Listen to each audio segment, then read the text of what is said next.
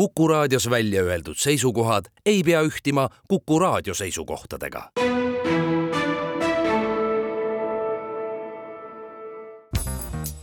järjejutt. Boriss Akunin, asiaatlik europiseerimine, tsaar Peeter Esimene, kirjastuselt tänapäev. järjejutt kasvatust kui niisugust Peeter tegelikult ei saanudki, kui pidada kasvatuse all silmas tõenäolise troonipärija teadlikku ja vastutustundlikku ettevalmistamist kõrgeimaks võimuks. seda vajakajäämist ei saa kirjutada tollaste pedagoogiliste ettekujutuste primitiivsuse arvele, sest eelmised tsaarid, Fjodor ja Aleksei said oma eluhakul tolle aja kohta üpris korraliku koolituse, mis tegi neist, vähemalt Vana-Moskva mõistes, haritud inimesed ja õpetas neile tsaari ametit.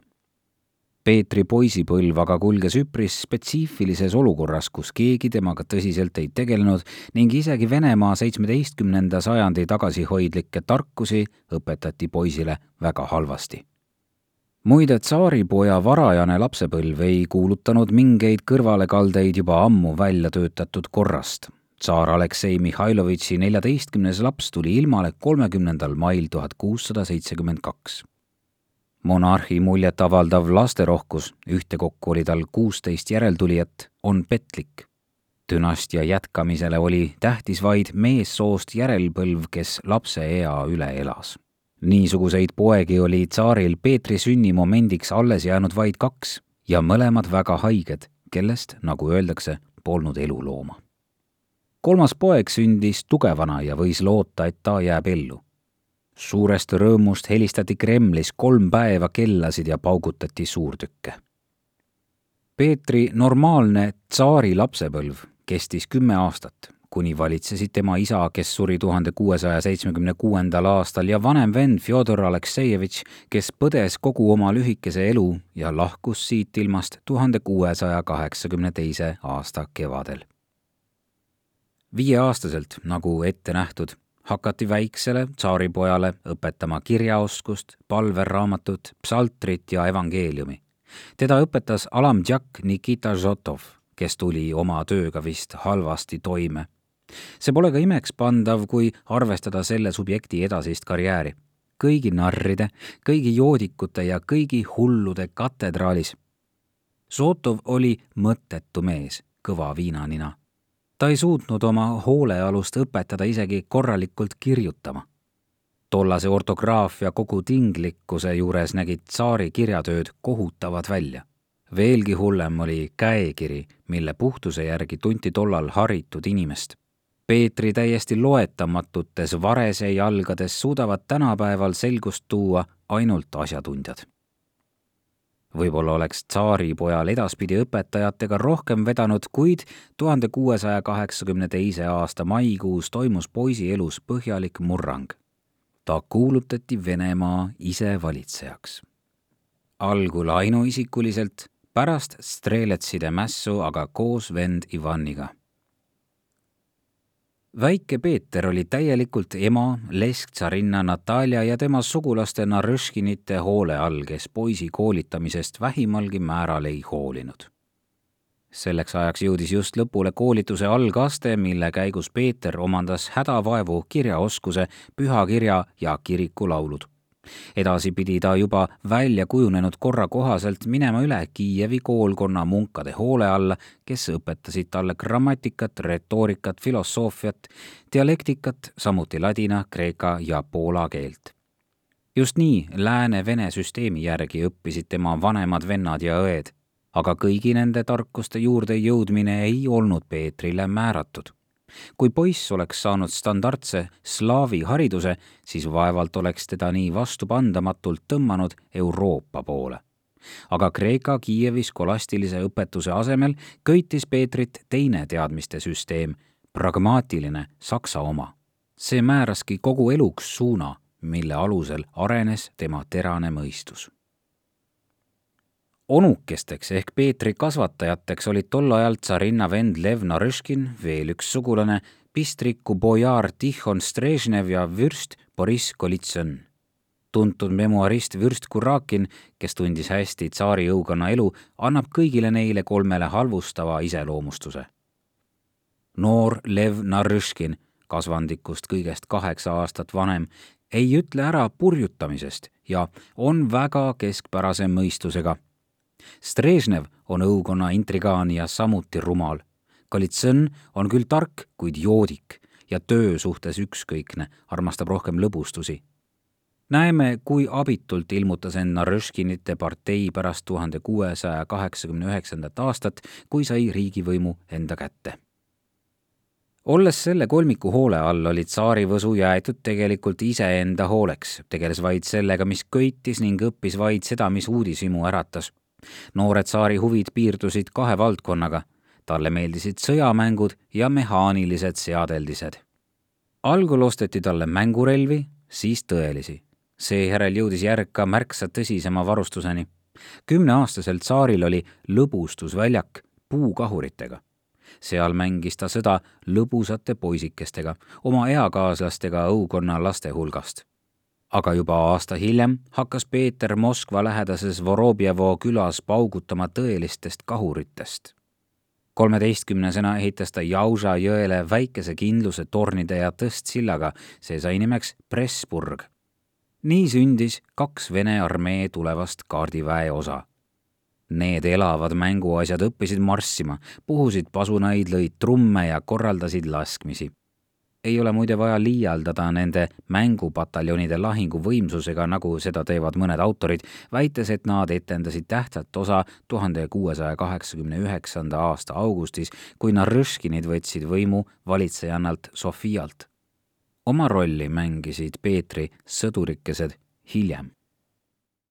Peetri tormakusel oli aga teinegi, tume pool, mis ilmnes ohjeldamatutes raevuhoogudes tsaar sattus kergesti raevu ja oma vihas oli ta hirmus.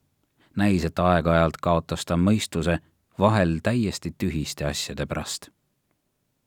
niisuguses seisundis võis ta tormata kallale isegi neile, kellesse suhtus armastuse ja austusega. ükskord, pidutsedes Franz Leforti kodus, ründas Peeter mõõgaga oma lähimaid võitluskaaslasi Šeini, Nikita Žotovit ja Romodanovskit, kusjuures viimast isegi haavas teinekord paiskas ta põrandale ja peksis jalgadega läbi Leforti enda, keda austas rohkem kui kedagi teist kogu maailmas.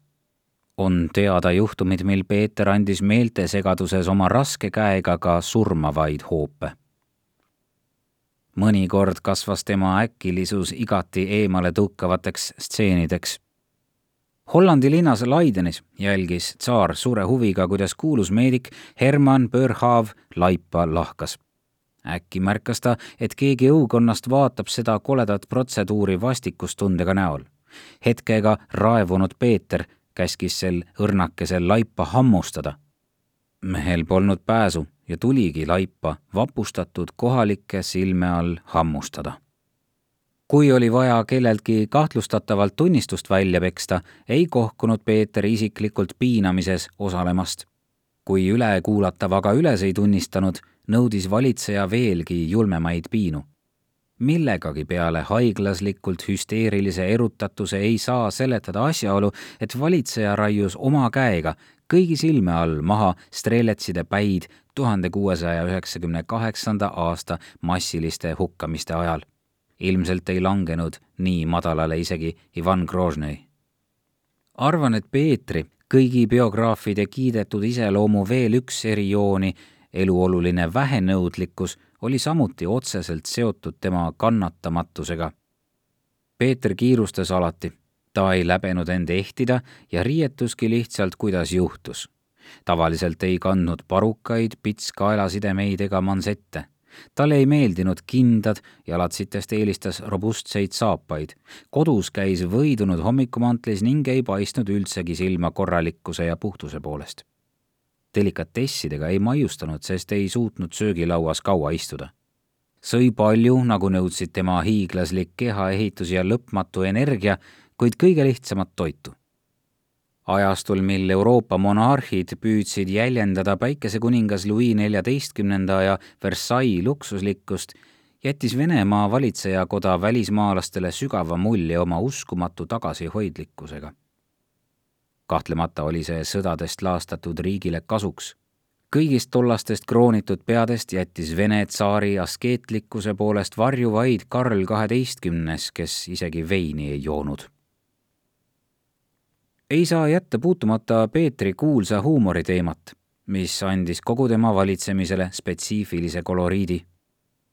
Kõik kaasaegsed ja memuaristid on kirjutanud, et tsaarile meeldis lollitada, kusjuures igasuguseid narrusi korraldati uskumatu ulatusega. oli ka toretsevaid pidustusi, teatraliseeritud rongkäike, manifestatsioone ja elavaid pilte, mida korraldati töistel põhjustel, näiteks järjekordse võidu auks vähem energiat ei kulutanud Peeter ka kõiksugustele totrustele.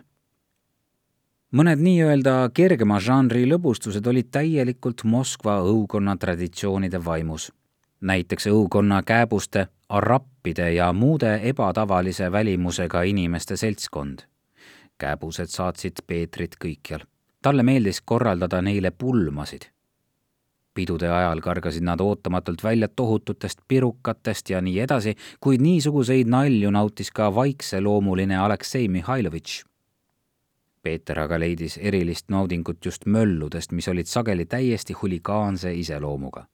talle meeldisid kõige jõhkramad, madalamat sorti naljad, ratsutada sigade seljas, valada kellelegi ninasse äädikat, joota külalisi vägivaldselt purju kuni loomaliku seisundini ja nii edasi ükskord sõimas Taani saadik just juba parajalt purjus, tõrkudes pealekäiva kostitamise vastu valitseja läbi ja tõmbas isegi mööga välja ehk pani toime üliraske kuriteo, kuid mingeid tagajärgi see kaasa ei toonud.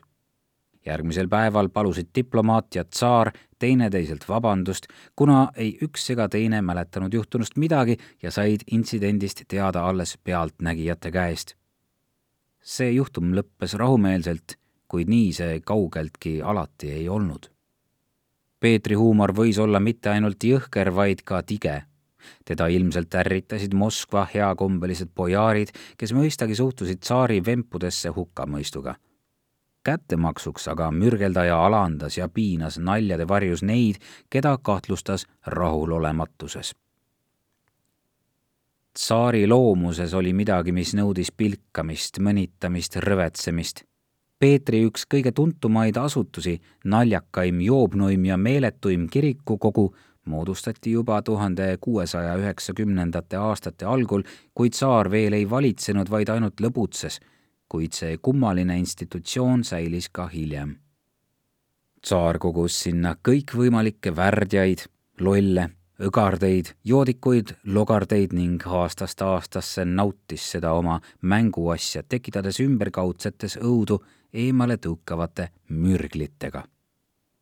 Kuidas Peetri pähe mahtusid ettekujutus suurusest ja värdjalik tembutamine, on arusaamatu. tuhande seitsmesaja kolmandal aastal tekkis tsaarile uus ihaldatu. Peeter armus jälle mitte kaasmaalannasse, vaid välismaalt pärit naisesse. tema elulugu meenutab imemuinasjuttu. Marta Skovronska sündis tollase sotsiaalse redeli kõige alumisel pulgal. Mitte lihtsalt kinnismaise talupoja, vaid põgenikust talupoja perekonnas, kes oli sunnitud põgenema oma kodumaalt Leedust Liivimaale. tema emakeel oli poola keel.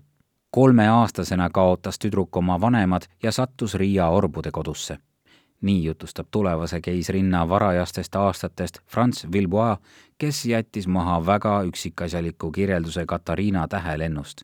ent tema päritolu kohta on olemas ka teisi versioone, mis täielikult lahknevad.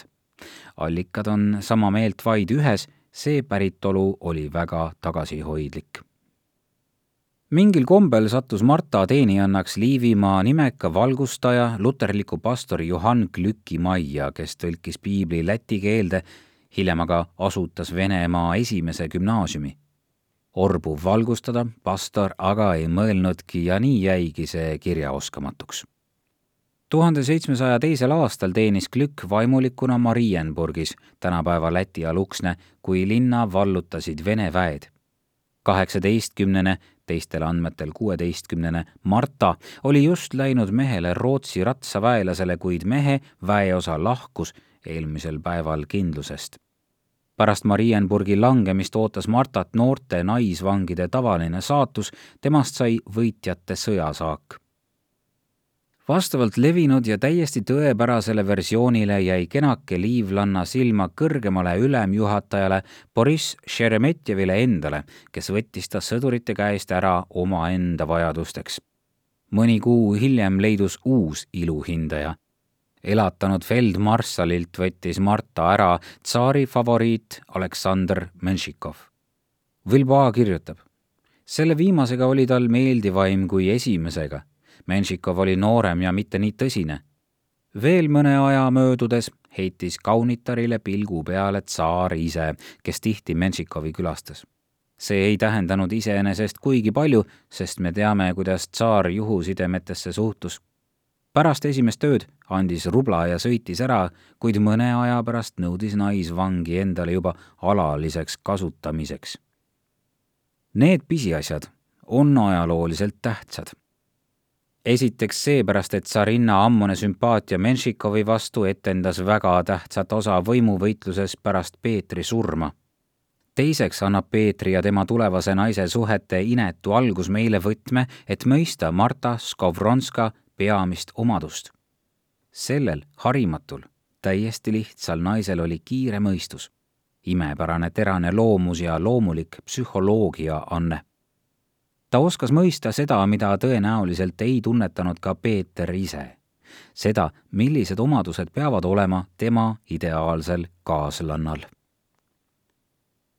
Jekaterina Aleksejevna Vesselovskaja, nii hakati Martat kutsuma pärast õigeusu vastuvõtmist, tõus ei olnud kiire, kuid kindel mõne aasta rahuldus ta alalise armukese rolliga, kes käitus väga tagasihoidlikult, mitte kunagi ärritatult.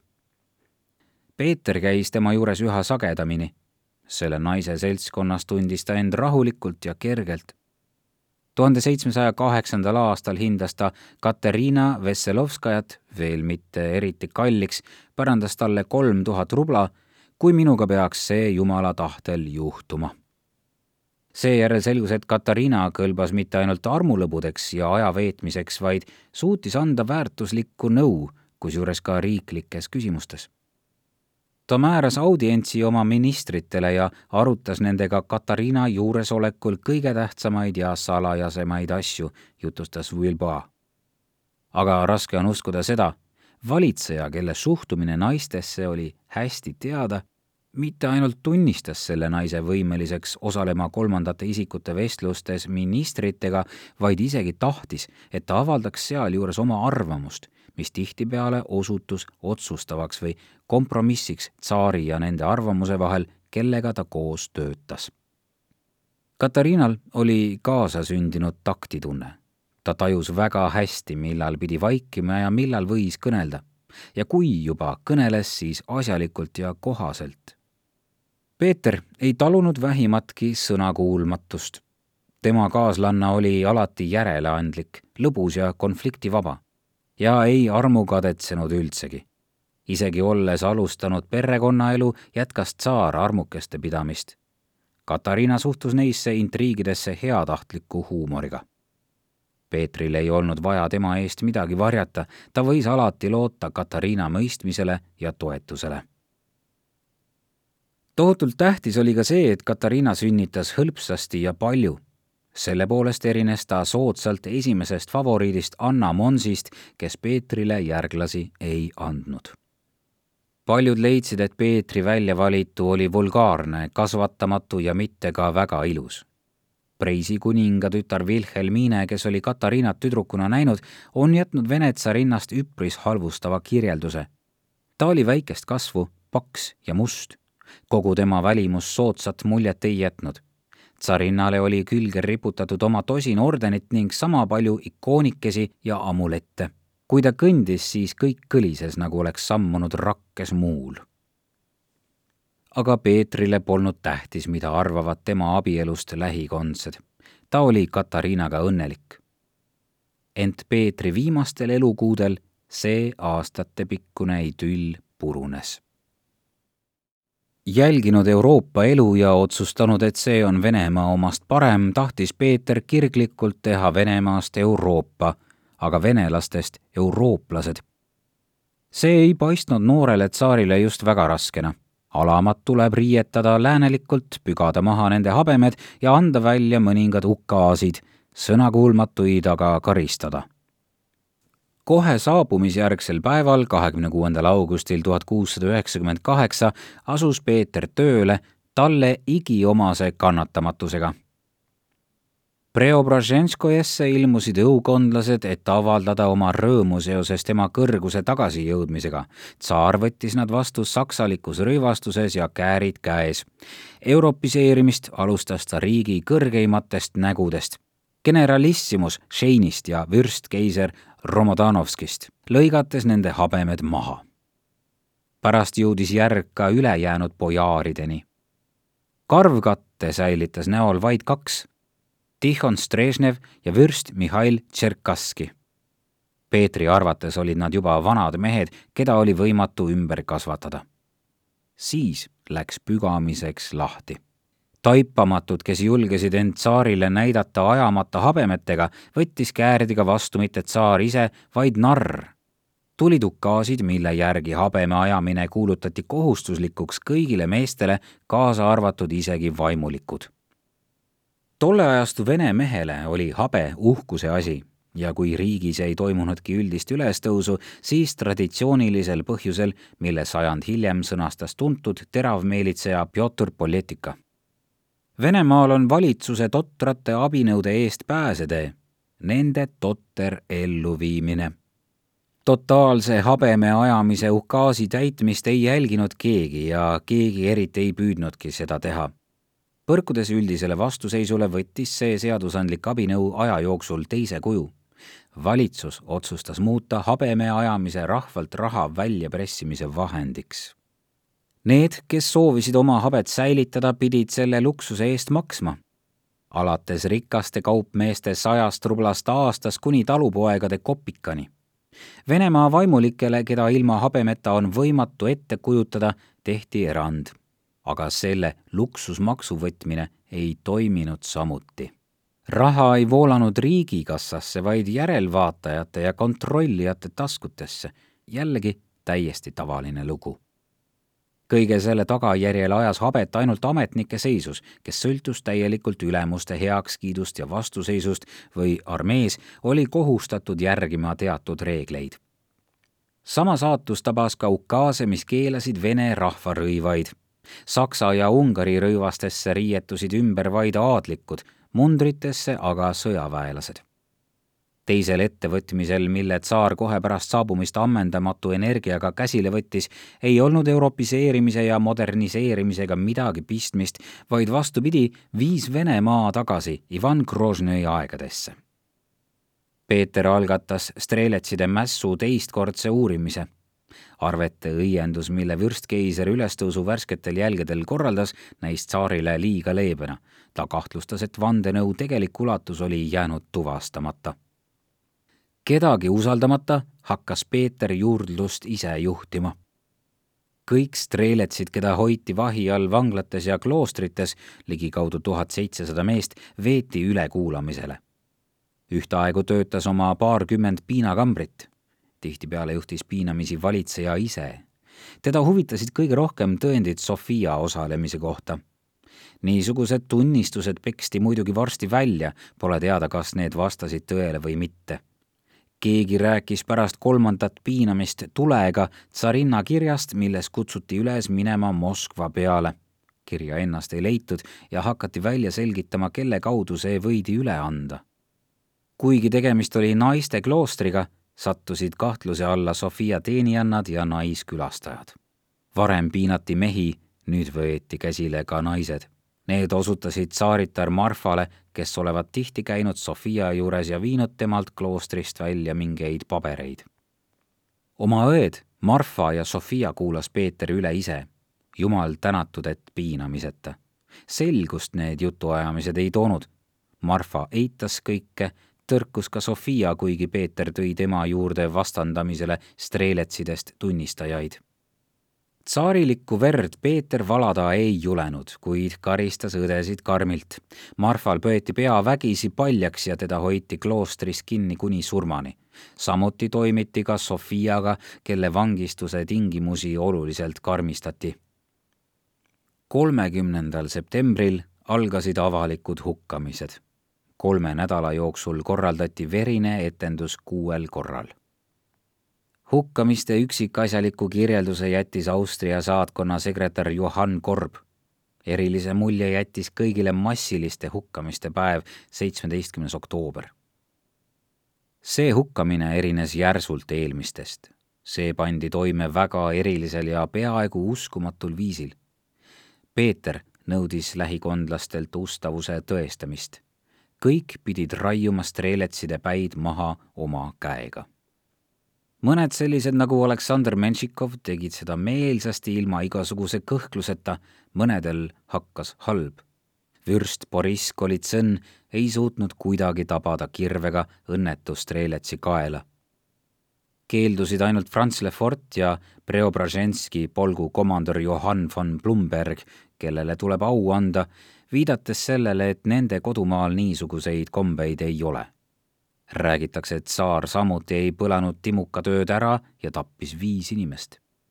üldse kaotas pea, tõmmati rattale ja poodi üles seitsesada üheksakümmend üheksa süüdimõistetut, kelle laibad mädanesid kogu Moskvas järgmise kevadeni veel üks Euroopa tähtis erinevus Moskooviast, mida noor monarh märkas oma välismaa reisi ajal, seisnes selles, et läänes lugesid kõik raamatuid ja ajalehti, kuid Venemaal harjumust kasutada trükisõna ei olnud.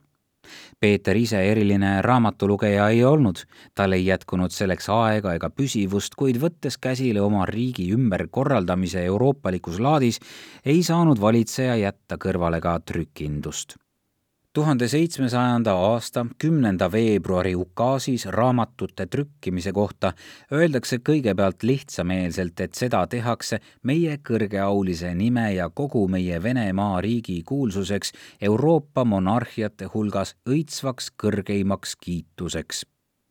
Alles seejärel mainitakse rahva üldist kasu ja igasuguste kunstide õpetamist kuna trükikodadega olid kodumaal lood halvasti, sai tellimuse trükkida raamatuid, jooniseid ja persoone amsterdamlane Johann Tessing. samuti anti talle viieteistkümneaastane soodustus raamatukaubandusele üle kogu Venemaa tõenäoliselt oli Peeter selleks ajaks juba tutvunud vabadustega, mida lubas endale Euroopa ajakirjandusvõimude suhtes, sest ukaasis esitati spetsiaalne tingimus väljaanded ei tohtinud sisaldada meie tsaarliku kõrgeaususe ja meie kuulsa riigi alandamist. Tessing ei tulnud tellimustega toime ja ta asendati teise väljaandja Ilja Kopjevskiga, kes trükkiski Hollandis Peetri esimesed ja ilmselt kõige vajalikumad raamatud. grammatika, mereasjanduse, aritmeetika ja ajaloo kohta tähtsaks kultuurisündmuseks kujunes kirjareform, mis sai teoks tuhande seitsmesaja kaheksandal aastal.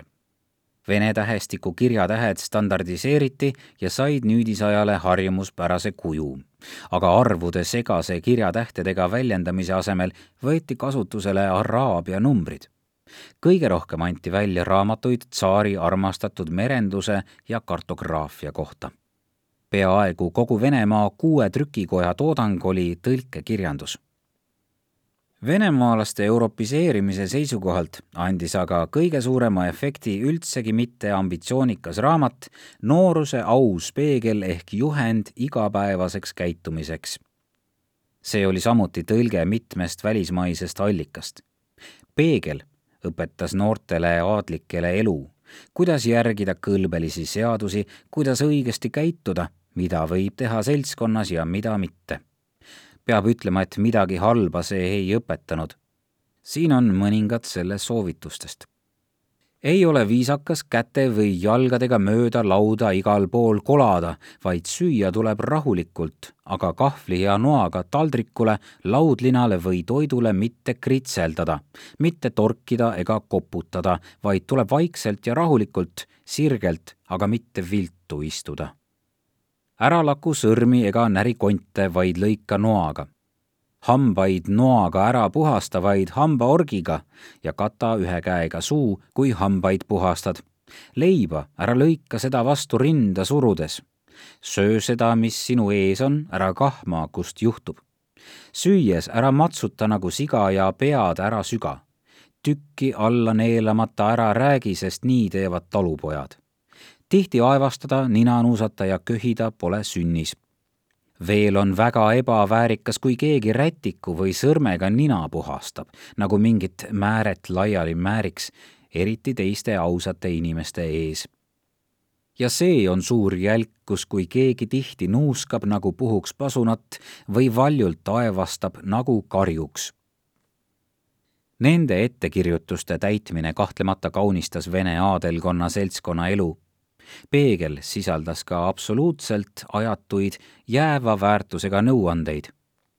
jõude tegevuseta ära ole, kuna sellest midagi head oodata ei ole peale igeriku keha ja ussitamise, mis laiskusest tihti juhtub. mitte kedagi ei tohi alandada, ennast ja oma mingit annet mitte ülistada, kuid olla valmis igaüht teenima, olla selleks meelsasti valmis mitte kedagi sõimata või mustavate sõnadega noomida, aga kui on vaja, tuleb seda teha viisakalt ja aupaklikult. raamatus oli ka sooline jaotus, ühed juhised olid suunatud noormeestele.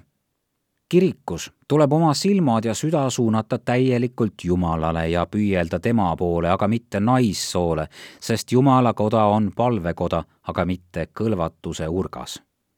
teised neidudele vääritu neiu naerab ja räägib igaühega, jookseb avalikes kohtades ja tänavatel, ajades põue õieli, istub teiste poiste ja meeste juurde, tõukab küünarnukkidega, aga korralikult ei istu, vaid laulab roppe laule, lõbutseb ja joob ennast täis. hüppab mööda laudu ja pinke, laseb end mööda kõiki nurki vedada ja lohistada nagu libu, sest kus ei ole häbi, seal ei ole ka vagadust kui vana Moskva naised kasutasid kosmeetikat mõõdutundetult, siis uue formatsiooni neidudele end värvida ei soovitatud. ainus värv on neidudel meeldiv ehk punastamine, mis tuleb häbelikkusest. nii õppisid noored aadlinoormehed ja neiud olema eurooplased. üldiselt saavutasid nad selles üsna kiiresti edu, igal juhul välimuse ja maneeride poolest. Need olid sel ajastul jõhkrad ka Euroopas muide, raamatubuumiks võib kirjastamise elavnemist nimetada ehk ainult võrdluses eelnenud perioodiga, kui kogu Venemaal töötas ainult üks trükikoda, kus trükiti peaaegu eranditult kirikukirjandust. uue kirjaviisi sisseseadmisest kuni Peetri surmani anti riigis välja ainult kolmsada kakskümmend raamatut, vähem kui kakskümmend nimetust aastas. Barissakunin, asiaatlik europiseerimine, tsaar Peeter Esimene, kirjastuselt tänapäev. järjejutt